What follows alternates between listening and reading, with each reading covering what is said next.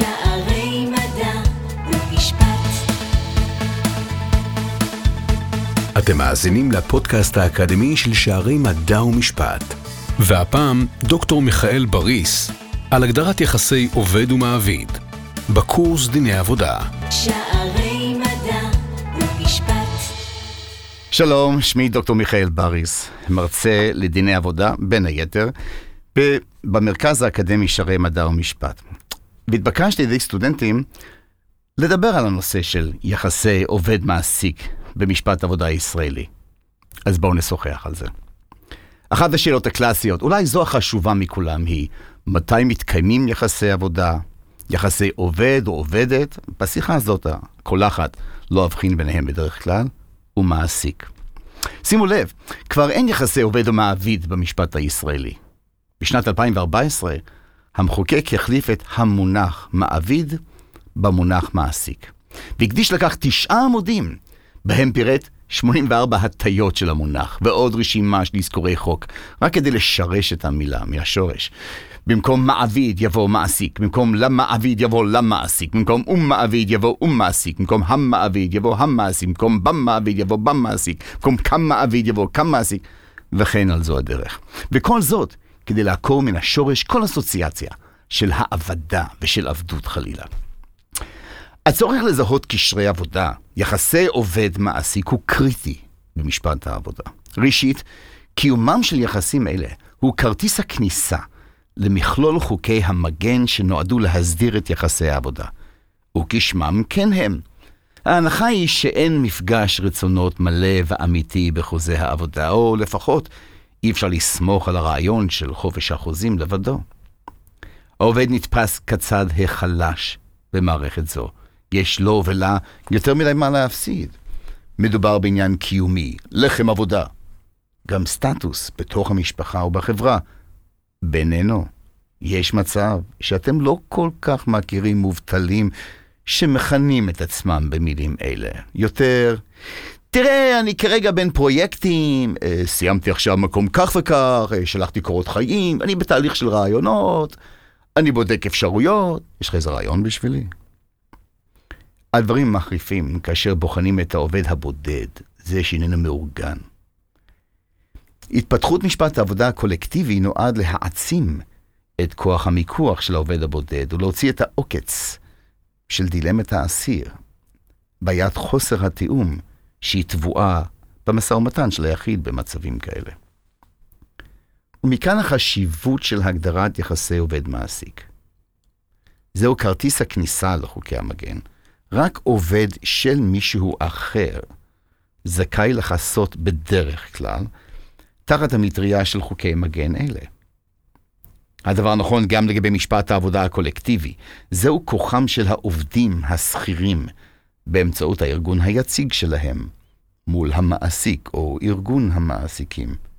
ונגזרת מכך, בית הדין לעבודה, אותו מוסד שיפוטי ייחודי, המשלב נציגי ציבור, ואשר דן בסדרי דין ובדיני ראיות גמישים, ותוך שקילת שיקולים החורגים מאלה הנידונים בבתי המשפט האחרים. אז הוא יונק את סמכותו מקיומם של יחסי עבודה, ולא מהקשרים משפטיים אחרים. גם חוקים אחרים קובעים רף מיוחד כאשר קמים יחסי עבודה, דוגמת חובת האימון המיוחדת המשתקפת בחוק העונשין. גניבה ממעסיק חמורה יותר מגניבה רגילה, ועוד. אז מתי באמת מתקיימים יחסי עבודה, יחסי עובד-מעסיק? מדוע מסבכים את זה? מה שקבעו הצדדים בחוזה ביניהם זה מה שצריך לקבוע, לא? או אולי פשוט נסתכל באופן בו הצדדים מדווחים לרשויות המיסים. אם טופס 101, אז יש יחסי עבודה. אם העובד פתח תיק במע"מ או מוציא חשבוניות, אז הוא עצמאי ולא עובד שכיר. לא? ואם כל זה לא מספיק, מדוע לא נקבעה הגדרה פשוטה בחוק עצמו? עבודה זה ממש לא משהו חדש, אז מדוע מסתבכים כל כך בהגדרה שלה? האמת, נעשו ניסיונות כאלה, כפי שמיד נראה. אבל בלב העניין עומד הצורך להגן על העובד, דווקא מחמת החולשה המובנית שלו בהתמקחות על זכויותיו במסגרת חוזה העבודה. באותה מידה שזכויות המגן של העובד חייבות להיות קוגנטיות, כופות, זאת אומרת, כאלה שלא ניתן לוותר עליהן או להתנות עליהן.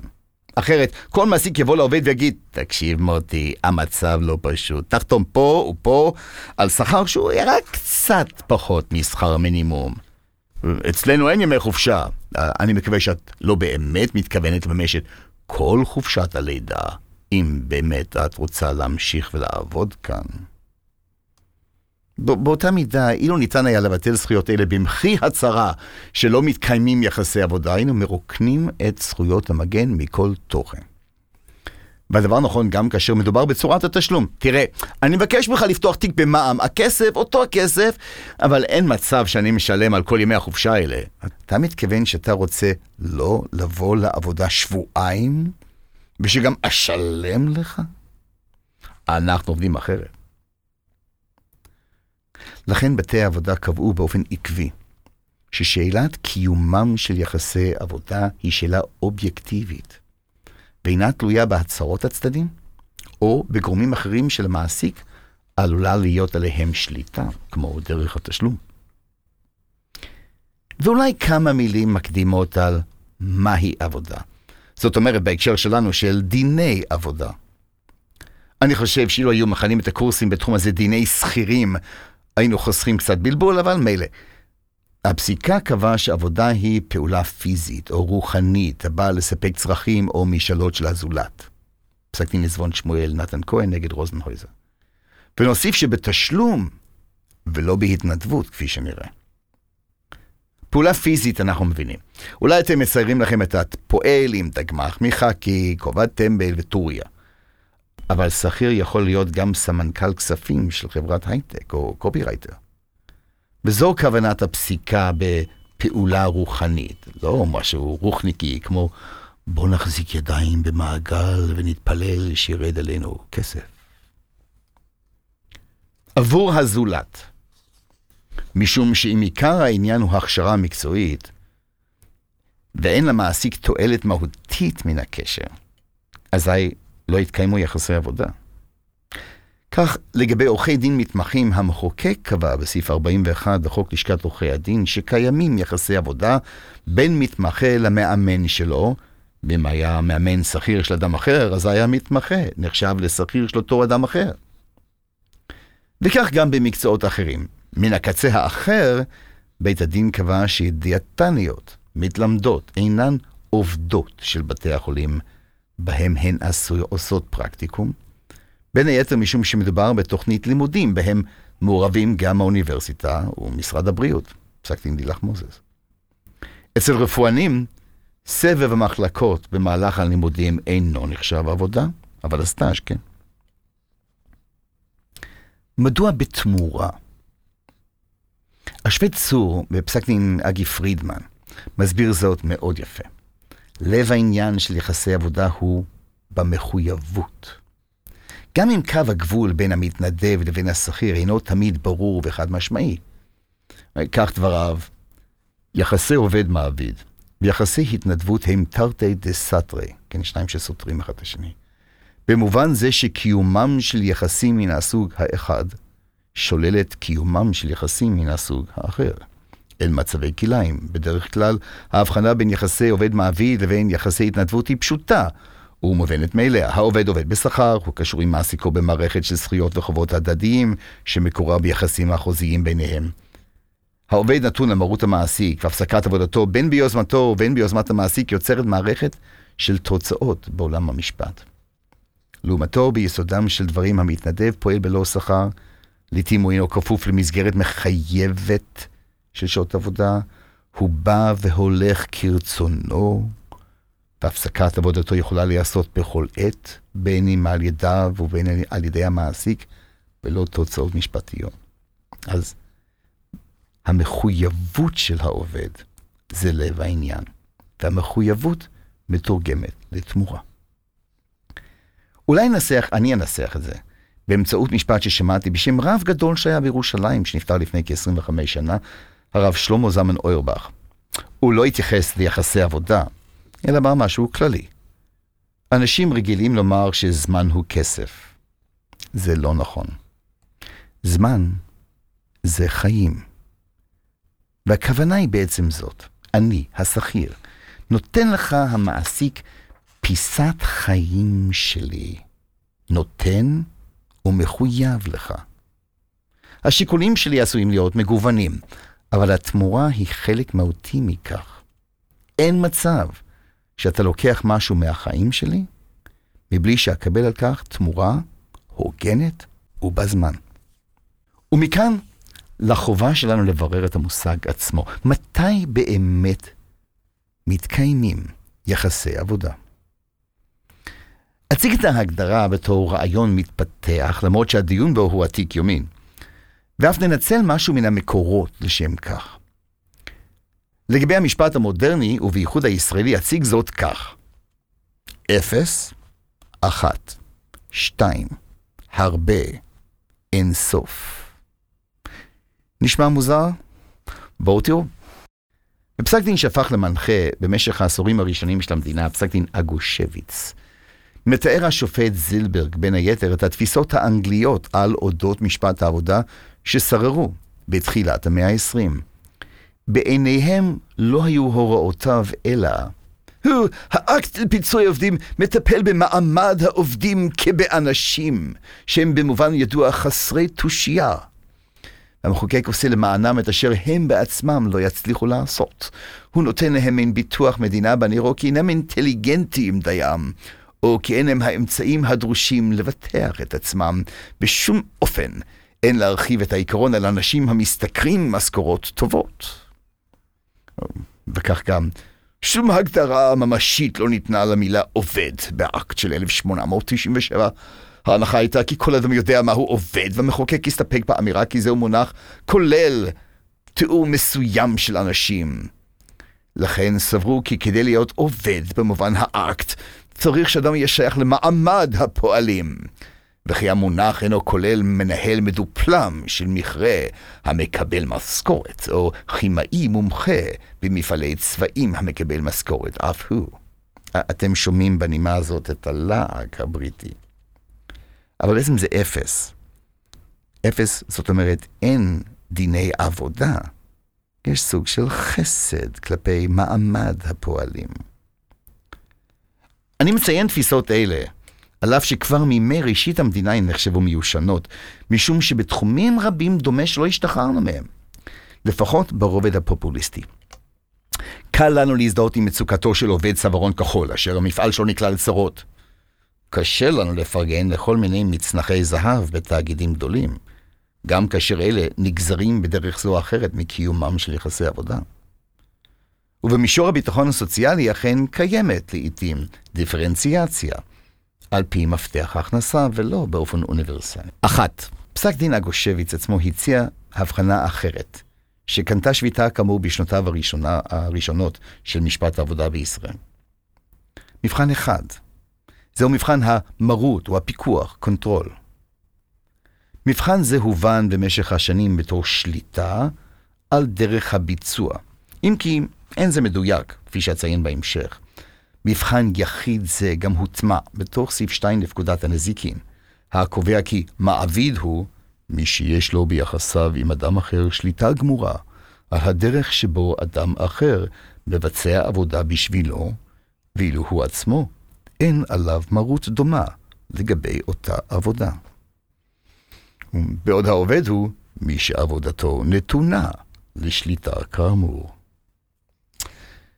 מהו האינטואיציה המונחת בקריטריון זה? אנחנו נראה שגם כאשר בתי הדין קבעו מבחנים אחרים, מבחן השליטה ובעיקר האינטואיציות שבבסיסו לא נעלמו, אלא נבלעו בתוכם כחלק ממארג גדול יותר. אציג זאת כך, גם אם באופן קצת מוקצן. דמיינו לכם אדם שרוכש דירה מקבלן. הקבלן מתחייב לספק לו את הדירה בינואר 2022. הוא חותם בינואר 2020. ינואר עובר, גם פברואר, גם מרץ. לא קורה כלום. אפריל, מאי וכולי וכולי, לא אלאה אתכם. הרוכש מתחיל לברר אצל עורכי דין, הפרה צפויה, כאלה דברים, גם מתחיל ליטול תרופות הרגעה. פתאום, בנובמבר 2022, הקבלן מביא 5,000 פועלים שמסיימים את הכל תוך שלושה שבועות עוד לפני המועד. אפשר לבוא בטענות? לא ממש. אבל אם הוא יעשה מאמצים במשך שנתיים שלמות, ובסופו של דבר הוא לא יספק את הסחורה, הקבלן יהיה בהפרה. הוא יתחייב לתוצאה, לא לתהליך. לעומת זאת, אם שכיר יתייצב כל יום לעבודה, יבנה קיר אשר ייפול בסוף היום, ולמחרת יתחיל שוב, מעין סיזיפוס שכזה, הוא יקבל משכורת, אם המעסיק מחליט משום מה להשאיר אותו. השכיר מקבל, מקבל שכר על זמנו, לפי גישה קלאסית זו. נושבות כיום רוחות אחרות, אבל המסגרת הנוכחית צרה מכדי לדון בהן. אם נעמיק עוד, גם נבין מדוע. ההבדל בין השכיר לבין הקבלן דומה להבדל בין איגרות חוב לבין מניות, אם ניקח את ההשקעה התאגידית כמטאפורה. איגרות חוב הן יציבות, כל עוד הן מדובר בחדלות פירעון. אולי אין סיכוי לחלוק ברווחים הגדולים, אבל המשקיע גם אינו מסכן את הונו. הקבלן, העצמאי, נוטל סיכון. הוא עושה זאת משום שהוא רואה סיכוי להרוויח. הוא בפנים. יש לו ברית יומית עם האמונה. הוא מוכר את התוצאה. לשם כך הוא גם משקיע מהונו ומאונו. ומשום כך זכותו גם להכתיב את הדרך, אותה הוא התווה, שתביא אותו אל יעדו. גם אם השכיר חכם ממנו, או לפחות חושב את עצמו כך, הוא לא סיכן משאבים אלה, ולכן לא הוא קובע כיצד ההשקעה הזאת תתבצע. בלשונו של רש"י, פרשננו הקלאסי לתלמוד, קבלן אינו עבד אלא לעצמו. 2. 0, 1, 2. עברו שנים. ובתי המשפט התמודדו שוב ושוב עם שאלת קיומם של יחסי עבודה. אך מבחן השליטה נמצא קצת חסר. די בסמוך להקמתם של בתי הדין לעבודה, נשיא בית הדין לעבודה, השופט בר-ניב, הציג זאת כך: יש מצבים בהם ברור לנו שלא קיימת שליטה על תהליך העבודה, אך מתקיימים בהם יחסי עבודה. כמו מפעל ייצור תרופות או תזמורת. האם הבעלים חייב להבין בת... בתהליכים עצמם? ואם המעסיק הוא בכלל לא מוזיקלי, טון דף? ולאידך גיסא, יש מצבים בהם קיימת שליטה, אבל ברור לנו שאין מדובר ביחסי עובד-מעסיק, אלא בקבלן עצמאי העושה עבודה עבור מי שהזמין אותה. לדוגמה, טרקטוריסט עצמאי שעושה עבודה במקטע מסוים של כביש, על פי דרישות המהנדס של הכביש, בתזמון המדויק שהוקצב לו. המשמעות היא ששליטה על התהליך אינו תנאי הכרחי, כמו בדוגמאות של הכימאי או הנגן, וגם אינו תנאי מספיק, כמו אצל הטרקטוריסט. אלה אינן חידות או תרגילי חשיבה בעלמא. השופט ברניב מינף שאלות אלה לכדי מבחן כפול, שעיקרו נותר היום. זהו מבחן ההשתלבות או המבחן הארגוני, על הפן החיובי והשלילי שבו. ובמילים אחרות, כדי שיתקיימו יחסי עבודה, צריכים לענות כן על השאלה האם העובד משולב בעבודה, ולענות לא על השאלה האם יש לו עסק עצמאי משלו? להיות משולב בעבודה פירושו של דבר שלמעסיק יש מפעל, אל תטעו, ואל תציירו מפעל עם שלוש ערובות מעלות עשן, כמו באיזה אייקון של אזור תעשייה. גם תזמורת, גם עירייה, גם כל ארגון שמניב משהו שמוכנים לשלם עבורו. להיות משולב בעבודה, משמעו שיש לעובד תפקיד בכוח. לא משהו מזדמן, לא מישהו שמביא בלונים, כי יש לסמנכ"ל יום הולדת. כך הדגיש בית המשפט בפרשה אחרת, בו הוכר מי ששטף את משאיות הלחם של מאפייה חיפאית פעם בשבוע בתור עובד. אלה דברי פסק הדין. מבנהו שמפעל בשלימות, מחייב שיהיו בו גם מנהל, גם מנהל חשבונות, גם פועל אפייה, גם נהגי משאיות, גם שוער, גם רוחץ מכוניות. חשיבות תפקידיהם אינה שווה אולי מבחינה כלכלית, מנהלית, ארגונית.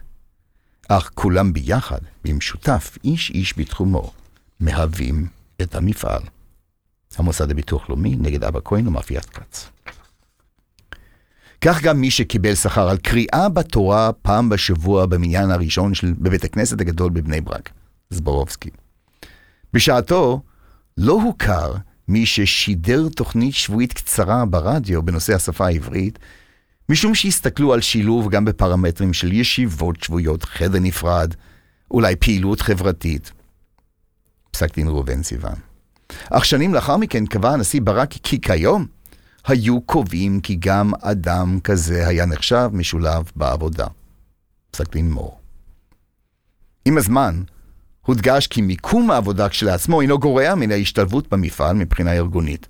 כך גם קופירייטרית, שהייתה נפגשת עם לקוחות בבתי קפה ובמשרדים אחרים. כך פסיכולוגית חינוכית העוברת מבית ספר לבית ספר. ישנן רופאות שעלו ארצה שמפענחות צילומי רנטגן עבור בתי חולים בארצות הברית, בזמן החופשי בימי ראשון בבוקר, או אולי נעלי בית, כוס קפה, והן עובדות אוברטיים בוויקנד האמריקאי. כלום אין הן משולבות במערך הרפואי של בית החולים שם? אבל לפעמים מיקום כן קובע. כך למשל, שחקן חייב לנוע עם התיאטרון, אינו יכול להופיע בביתו כאשר ההצגה מוצגת באולם. פילר נגד סידי. האמת, שימו לב שנותר במבחן זה גם רכיב של שליטה. אבל לא שליטה על התוכן של דרך הביצוע, אלא שליטה ארגונית. העסקה, שיבוץ, זמני עבודה, מינוי מפקחים, דרכי בקרה, חופשות, ואולי בראש כולם פיטורים. האמת לאמיתה, רכיב זה הודגש גם בפסק דין אגושביץ הנ"ל בידי השופט זילבר כחלק מן השליטה של המעסיק. סוגר סוגריים. כאן נכנס גם הדיון של מעמדם של משתתפים חופשיים, עובדים אשר מבחינה ארגונית הם חופשיים מאוד, כמו כתבים שרצים על פני אירופה להביא חדשות, אבל קובעים לעצמם את ההיקף, האירועים, החופשות, חוקרים פרטיים. כתוצאה מכך גם רמת השכר. בית הדין קבע שכאשר קיימת תלות כלכלית בלעדית, הדדית, לאורך זמן, שיש לראות את המשתתף החופשי, הפרילנסר הספציפי, כעובד של המעסיק, משום שלמעשה הוא אינו חופשי. זה תלוי בנסיבות. מהו הפן השלילי? כיצד קובעים עצמאות? בין המאפיינים של עצמאות ניתן למנות שאלות אלה, של מי ההשקעה, היוזמה, הארגון. האם קיימת חובת עבודה אישית? דמיינו לכם שדודו פישר היה יכול לשלוח את האחיין שלו במקומו. אולי העיקר של מי סיכויי הרווח ושל מי סיכוני ההפסד. אמרתי לכם שנחזור לנקודות אלה. הפסיקה פיתחה מבחני עזר בהתאם, למשל של מכלי העבודה. אדם שהשקיע כסף רב במשאית, כמו בפסק דין וילשטיין, או טרקטור, ולנסי, או מרפאה יקרה, לקח על עצמו סיכון כספי כבד שיכריע את הכף, להיותו עצמאי, כמו בפסקי הדין הנ"ל. אבל שימו לב שמדובר בשאלה של מידה. אם רכשתי לעצמי עכבר פשוט למחשב שלי, זה כנראה לא יהפוך אותי לעצמאי, גם אם לא אקבל על כך החזר. גם סוגיות אחרות אינן תמיד צבועות בשחור לבן. מידת הקשר האישי הוא מבחן חשוב. קבלן מחליט את מי הוא שולח לבצע את העבודה, אבל הפסיקה אינה מתרגשת מכך שבן משפחה, בעל כישורים מתאימים, ימלא את מקומו של העובד, למשל, כאשר זה יוצא למילואים. תראו את אייזיק נגד טל. מיקום אולי אינו קובע באופן בלעדי מבחינת ההשתלבות בעבודה, כמו שראינו קודם, אבל באותו פסק דין, תמר אדר נגד פרסום מלניק, שאלת הבלעדיות כן הכריעה. הקופירייטרית סיפקה שירותים לחברות אחרות, ולא רק לנתבעת. ובלעדיות אינה שאלה של טוטליות. כך למשל אדם יכול להיות בעל משרד מצליח בבקרים, אבל גם, אבל גם מרצה שכיר בשעות מסוימות. תראו את מכללת רמת גן נגד אורי פרייס. אבל בשעה שהוא נותן את ההרצאות שלו, הוא מנוע מלעבוד על תיקיו הפרטים. דמיינו לכם שעכשיו, ברגעים האלה, בתוך האולפן שאני מקליט, הטלפון היה מצלצל והייתי עונה. פסק הדין בעניין פרייס הוא חשוב גם בהיבטים אחרים. הוא שב ומבליט את זה שהשיבוץ נעשה בידי הארגון, ומשולב במערך הוראה שלם מצד אחד, ומן העבר האחר, הסיכון אינו מוטל עליו. הוא אינו חייב למלא את האולם בסטודנטים, גם לא להביא מהבית ברקו או כיסאות. באופן כללי זה גם קו פרשת המים שמבדיל במי שרכש זיכיון לסוכנות מסוימת, אשר באופן טיפוסי הוא זה שנושא באחריות לחובות העבודים, לבין מי שמוצב כמוכר בלבד, גם אם הוא מקבל עמלות על פי כמות המכירות ועל פי חוקי המגן של משפט העבודה, הוא יקבל גם מקדמות כדי שלא ייפול משכר מינימום. בעצם, מרוב מבחני עזר, בתי המשפט כיום מכנים זאת המבחן המעורב. ובדרך כלל מוסיפים גם שמבחן ההשתלבות עומד במרכזו. לכן כיניתי זאת הרבה. אפס, אחת, שתיים, הרבה. וכפי שהדגשנו, המבחן דומה יותר לדיוקן, לסקיצה, לקרבה משפחתית, ולא למבחן של נייר לקמוס או בדיקת הריון. ושוב נדגיש, בתי הדין הדגישו שהמבחן הוא אובייקטיבי, ולא משהו שהצדדים יכולים להתנות עליו על מנת שיחסי עבודה פשוט ייעלמו.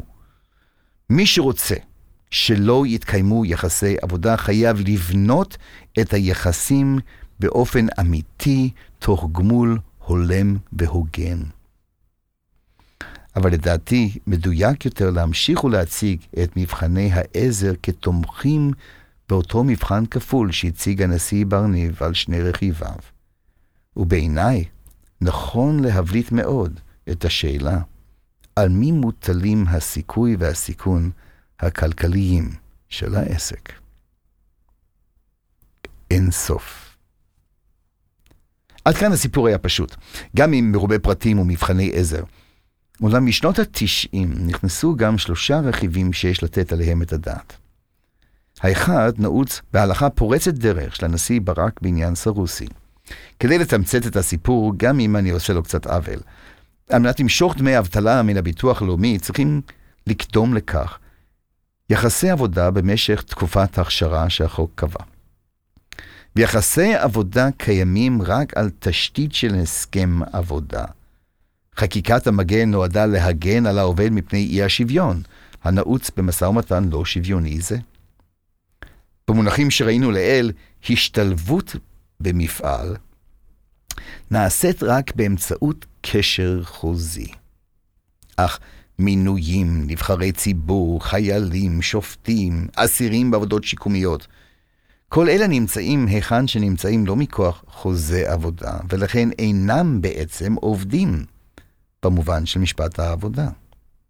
אמרתי לכם, זה קורס בדיני שכירים. מר סרוסי כיהן כסגן או כממלא מקום ראש מועצה מקומית. הקואליציה התפרקה, כהונתו הסתיימה, והוא תבע דמי אבטלה. הוא סורב על ידי המוסד לביטוח לאומי, ערעורו בפני בית הדין הארצי לעבודה נדחה, גם עתירתו לבג"ץ, אך בדיון נוסף בבג"ץ קבע הנשיא ברק ששאלת היותו של אדם עובד אינה שאלת כן לא, yes no question בלבד, אלא נבחן גם לשם מה אתה שואל. הנשיא ברק בחן את תכלית החקיקה הספציפית, ואם היא עולה בקנה אחד עם נסיבות המקרה, אזי אפשר לפרוץ את האוניברסליות של הגדרת העובד, במקום להניח שיש למושגים של עובד ומעביד, כיום מעסיק, משמעות זהה בכל החוקים. בית המשפט העליון קבע אפוא כי הנסיבות הולמות היטב את המטרה של הביטחון הסוציאלי, והורה לביטוח הלאומי לשלם את דמי האבטלה.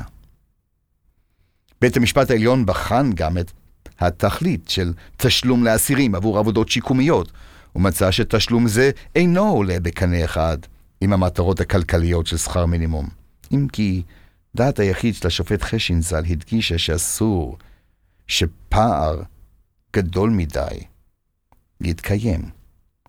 פער גדול כזה עלול להצביע על ניצול של העובדים, דבר שחייבים לבחון שוב כיום הזה. בית הדין גם העניק זכויות עבודה מתוך סל זכויות המגן לטובת נשים שיהיו קורבנות של סחר. על אף שלא היה מוכן לראות בחוזה העבודה שכזה חוזה תקף. בפרשה אחת, מחמת הכפייה, האלימות והאמצעים הפסולים האחרים שהיו כרוכים בהעסקתה. במקרה אחר, מחמת עצם הפגיעה בתקנת הציבור. תראו את פסקי הדין בעניינים של בן עמי, או קוצ'יק. פרשנות תכליתית זו פותחת אפוא את הגדרת יחסי העבודה הרבה מעבר לקטגוריות קשיחות וכוללניות. גם אם הביטוי אין סוף הוא קצת גוזמה. ועם זאת, פריצת האוניברסליות אינה מה בכך. רכיב אחר הוא ההתפתחות במשק הישראלי של תופעת עובדי הקבלן, תופעה חורגת מן הדיון כאן, וכולל בתוכו סוגים שונים, קבלני כוח אדם, קבלני שירות. בגלגול זה, הדיון אינו האם האיש הוא עובד, אלא מי המעסיק שלו. הליכים חשובים במשק הישראלי, ולא פחות מכך, בפסיקה הישראלית, הביאו למצב משפטי וחברתי המחייב התמודדות מעמיקה יותר, מאשר מגבלות שיחה זו מאפשרות. ולבסוף, הצגנו את יחסי הכוחות בין מעסיק ועובד כך שמאזן הכוחות נוטה לכיוון המעסיק. אך מה קורה כאשר העובד הוא זה שמבקש להגדיר את מעמדו כשל קבלן עצמאי ולא כיחסי עבודה?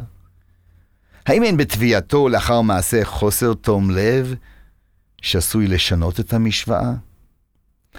האם שאלת תום ליבו של העובד, שטוען רק לאחר מעשה לקיומם של יחסי עבודה, גורם בבחינת יחסים אלה עצמם?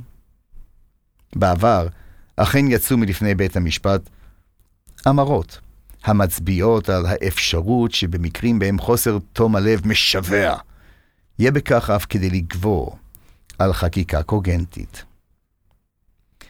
בית המשפט העיר, אבל למעשה לא הפעיל כוח זה או שעשה כן במשורה ממש. לפני זמן קצר, בתחילת חודש אפריל בשנה זו, 2021, ישב על מדוכה זו הרכב מורחב של בית הדין הארצי לעבודה, שבעה שופטים ושני נציגי ציבור, בפסק דין קוטן נגד עיריית רעננה. דעת המיעוט הייתה שאכן יש לבחון את שאלת תום הלב כחלק ממבחני הסף של קביעת קיומם של יחסי עבודה. דעת הרוב הייתה, בין היתר, שתפקידו של המשפט כמכוון התנהגות ייפגע אם שיקול תום הלב ייכנס כאחד הגורמים בקביעת קיומם של יחסי עבודה. הכנסת מבחן כזה עלולה גם לפגוע במחויבות של המעסיק כלפי עובדו, וגם ירתיע עובדים מלתבוע את זכויותיהם. מידת תום הלב כן נשארה במסגרת השיקולים של שיפוי, במצבים בהם בית הדין שוקל השבה של סכומים בקביעה שהתקיימו יחסי עבודה לאחר מעשה. וזה מביא אותנו חזרה במעגל שלם. בחינה אובייקטיבית של מעמדו של העובד, יש המבקשים לכנות גם אותו מועסק, כפי שעולה מפסק הדין החדש הנ"ל, נציג המעסיקים, נועד להביא בסופו של דבר לאיזון ולדיוק של מי שעמל לפרנסתו. אך שמא העתיד טומן בחובו יחסי שותפות של ממש, אשר ידרבנו אותנו לחשוב מחדש על האתגרים המשותפים לפני ולבנות אנוש, מול הרעב, מול הבורות, מול המחלות, ומול חולשות המין האנושי עצמו. אדם לעמל יולד. בסופו של דבר, המצב הקיומי האנושי בעולמנו הוא שבדרך כלל דברים לא באים ברגל. ואנחנו מעריכים דברים דווקא בגלל שאנחנו משקיעים בהם. זאת האמפתיה הבסיסית שצריכה להיות לכל מי שמתעסק בתחום של יחסי עבודה, אבל זה נכון גם באמפתיה שלנו כמרצים כלפיכם כלומדים בתקופת הבחינות, או בכל תקופה אחרת. תשמרו על קשר. תביאו גם מהחוויות שלכם אל השולחן האקדמי, במיוחד בתחום יחסי העבודה. אני לומד מכם, לא פחות, מאשר הלימוד המשותף שלנו ביחד. תשמרו על קשר, תצליחו לא רק בבחינות, אלא בחיים, ולא רק בהישגים של החיים, אלא בתובנות של החיים, בלמידה של החיים, ונמשיך ללמוד ביחד. הייתי כאן איתכם, דוקטור מיכאל בריס, המרכז האקדמי שערי מדע ומשפט. בהצלחה. בלנג'אח. האזנתם לפודקאסט האקדמי של שערי מדע ומשפט. תודה ובהצלחה במבחנים. שערי